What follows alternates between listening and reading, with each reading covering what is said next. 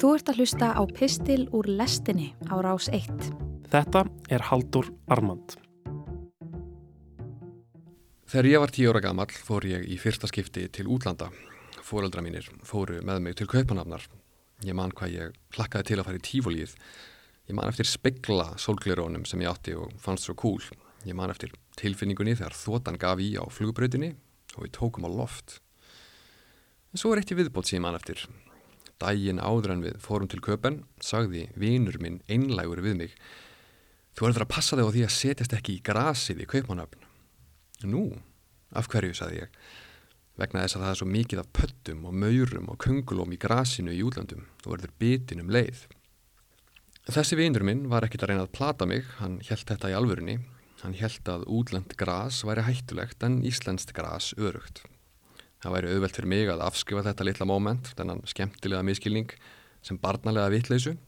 En ég held hins vegar að þarna tíu áfra gamall á fótubóltavellinum í hlýðaskóla hafi ég í fyrsta skipti orðið fyrir íslenskri ríkis hugmyndafræði.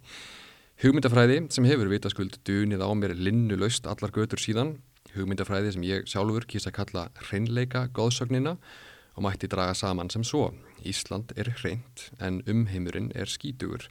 Ísland er flekklaus eiga í syndugum heimi. Á Íslandi eru engin vandamál. Tveimur árum eftir kaupmannahafnarferðina fór ég síðan til Spánar og ég man eftir því að þá var ég mjög upptikinn af því að maður ætti aldrei að panta sér kjúkling á veitikastöðum Erlendis því þá fengi maður salmonellu. Ég hef spurt fólki kringum mig sem hefur staðfest að það trúði lengi vel því sama. Það held að erlendur kjúklingur væri hættulegur og að útlendingar kynnu í þokkabót ekki að eldan. Þetta eru tvö lítil dæmi sem er auðvelt að hlæja að en þau eru eins og verður vísbendingar um það hvaða aðferðum er beitt til þess að stýra viðhorfum almennings á Íslandi, framleiða samþykki og halda fólki þægu. Íslenska góðærið var kyrt áfram á nákvæmlega sömu vitfyringu. Það væru bara Íslendingar sem kynnu raunverulega að sísla með fjö sem er alveg jafn brjáluð hugmynd og svo að Íslendingar séu einir um að vita það að maður þarf vist að elda kjúklingin í gegn. Heimsmynd eigunar er náttúrulega tvískipt. Það er til heimur innan strandleikunar og svo heimurinn utan hennar. Það blasir við að til þess að hafa stjórn á eigaskeggjanum er mikilvægast að tryggja að þeir gangi einfallega út frá því að lífið utan við strandlengjuna sé verra en innan hennar að grasið sé alltaf grætna hérnamegin og setji þess vegna engin spurningarmerki við það hvernig samfélagið á eiginni er rekið. Íslensk stjórnvöld hafa af þessum sögum mjög ríka neyð til þess að tólka veruleika Íslendinga fyrir þá, segja þeim hvernig þeim sjálfum líður og brína fyrir þeim að lífið í Norður Allandshafi sé það næsta sem jarðneskir menn komast í að lifa í aldingarðinum í etan. Að samaskapi taka þau því jafnan illa þá sjaldan sem umheimurinn beinir sjónum sínum að Íslandi og bendir á að þessi aldingarður sé að stórum hluta leikmynd. Í liðinni viku byrtist umfjöllun bandaríska fjölmiðlsins Business Insider um dýrustu lönd í heimi. Þar trónaði Ísland á toppnum sem dýrasti staðurinn á plánetunni jörð og að samaskapi kom fram að kaupmáttur hérna heldist engan veginn í hendur við verðlag. Af þessu tilöfni skrifaði ég pistil hér sem bar yfir skriftina Ísland er óafsaganlega dýrt land. Ekki vegna þess að ég held að Business Insider sé heilög rítning, heldur vegna þess að svona frettir eru staðfesting að utan á því sem allir vita að innan. Ísland er ótrúlega dýrt land. Ég hef aldrei á æðiminni hitt neitt sem finnst Ísland ekki óheirilega dýrt. Það hefur aldrei gerst. Það bókstala hefur ekki gerst einu sinni. Það vita allir að það eru stórir þjóðfélagshópar á Íslandi sem eiga ekki fyrir því að draga fram lífiðar. Það vita allir að ungt fólk sem á ekki foreldra sem geta kift handað í húsnæði og er ekki í hálaunastarfi hugsar sér til reyfings vegna þess að það veit að líf þess mun alltaf verða basl. Það vita allir að það er töluvert um það að eldra fólk flýi landir vegna þess að peningarnir sem það fær duga ekki. Það vita allir að fólkið sem vinnur mikilvægustu störfin á Íslandi fær 270.000 kall útborgaðan meðan fólk í bullstörfum sem skipta engu máli syndir í seglum. Það vita þetta allir. Pistillin var mikið lesinn vegna þess að það vita þetta allir. En íslensk stjórnvöld voru ekki lengi að bregðast við þessari umfjöldun Business Insider. Á VF stjórnaráðsins voru í skyndi byrt alls konar gröf og tölfræði sem sögðu að á Íslandi væri engin fátækt. Þar væru hæstu launin, mesti kaupmátturinn, verðlag væri ekki hátt, tekjudreifing ofbóðslega jöfn og svo framvegis. Í stuttumáli þá er allt upp á tíu á Íslandi og bara vittleysingar sem trúa einhverju öðru. Svo næst þegar þú starir í sjokki á kvittunina í maturverslun, kæri hlustandi, þá skaltu muna að þetta er allt saman þér fyrir bestu. Lífið er ekki ógeðislega dýrt á Íslandi, þú heldur það bara vegna þess að þú veist ekki betur. Ég er ekkit að saka stjórnaráðið um legar, en gröf og tölfræði endur spekla bara ekkit endilega kjör og upplifun storra þjóðfélagshópa.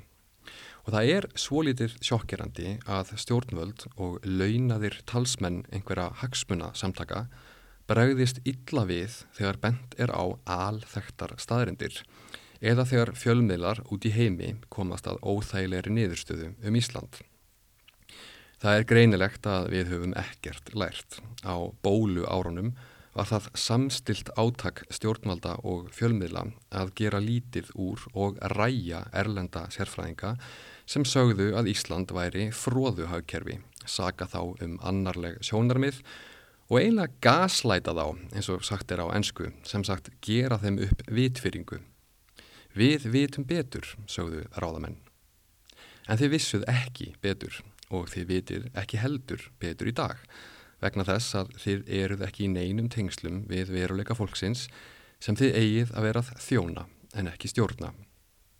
Ísland er óheirilega dýr staður, allir vita þetta, en stjórnmálamenn eru viðkvæmir fyrir því að þetta sé sagt vegna þess að þeir eru að stærstum hluta ábyrgir fyrir því að landið sé svona dýrt og launamál þar svona kaotísk. Það er ekki eins og dýrtíðin sé náttúru lögmál, hún er aðalega afrakstur pólitískra ákvarðana, ekki einungis en aðalega.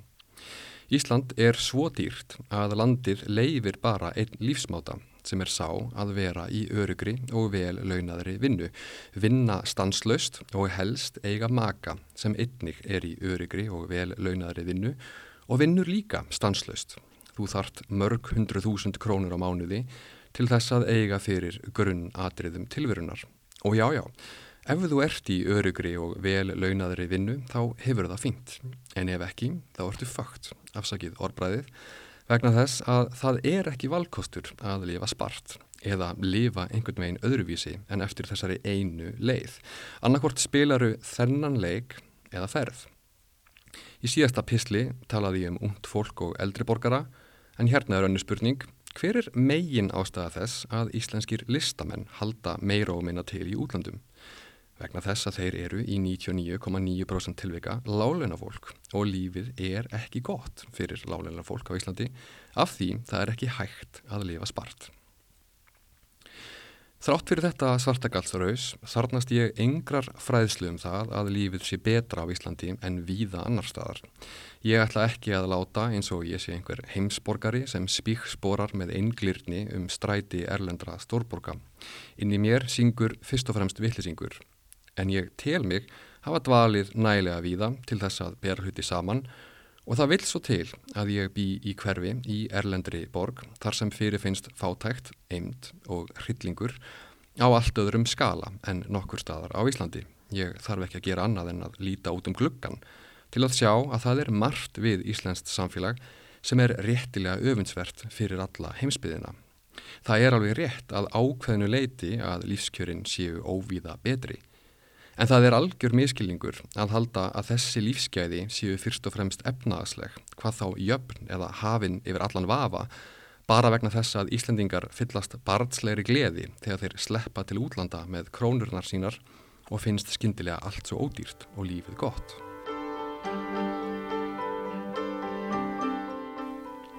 Prófaðu bara að spyrja einhvern sem býr erlendis hvers hann saknar frá Íslandi. Ég ger þetta sjálfur reglulega. Ég lofa þér því að enginn mun segja Herðu, ég sakna svo svakalega matvælaversins.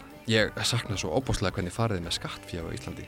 Ég sakna svo íslenska verðlagsins. Ó, hvað ég sakna verðtryggingarinnar og óvissunar. Guð mig góður. Trúðu mér, það mun enginn, ekki ein einasta manneskja, segja að hún sakni þessara hluta og það þrátt fyrir að þú veifir framann í hana tölfræði stjórnarásins. Nei, ef þú spyrð Íslanding í útlandum hvers hann saknar, þá er svarið ekki eitthvað sem stjórnaráðið á tölfræði yfir. Heldur, ég sakna fjölskytuna minnar, ég sakna vina minna, Ég sakna sundlögana, ég sakna fjalláloftsins, ég sakna þess að sjá hafið, ég sakna húmorsins, ó Jésús minn góður hvað ég sakna þess að fólk skilji kaltæðinni, ég sakna náttúrunnar, ég sakna sveitarinnar, ég sakna lötur hægu sólar upprásarinnar í desember, ég sakna sólarlagsins í ágúst, ég sakna kæruleysisins, ég sakna kyrðarinnar, ég sakna þess að hafa góða opna og þykka veggi, ég sakna þess að tala íslensku eða einfallega Ég sakna þess að vera heima hjá mér.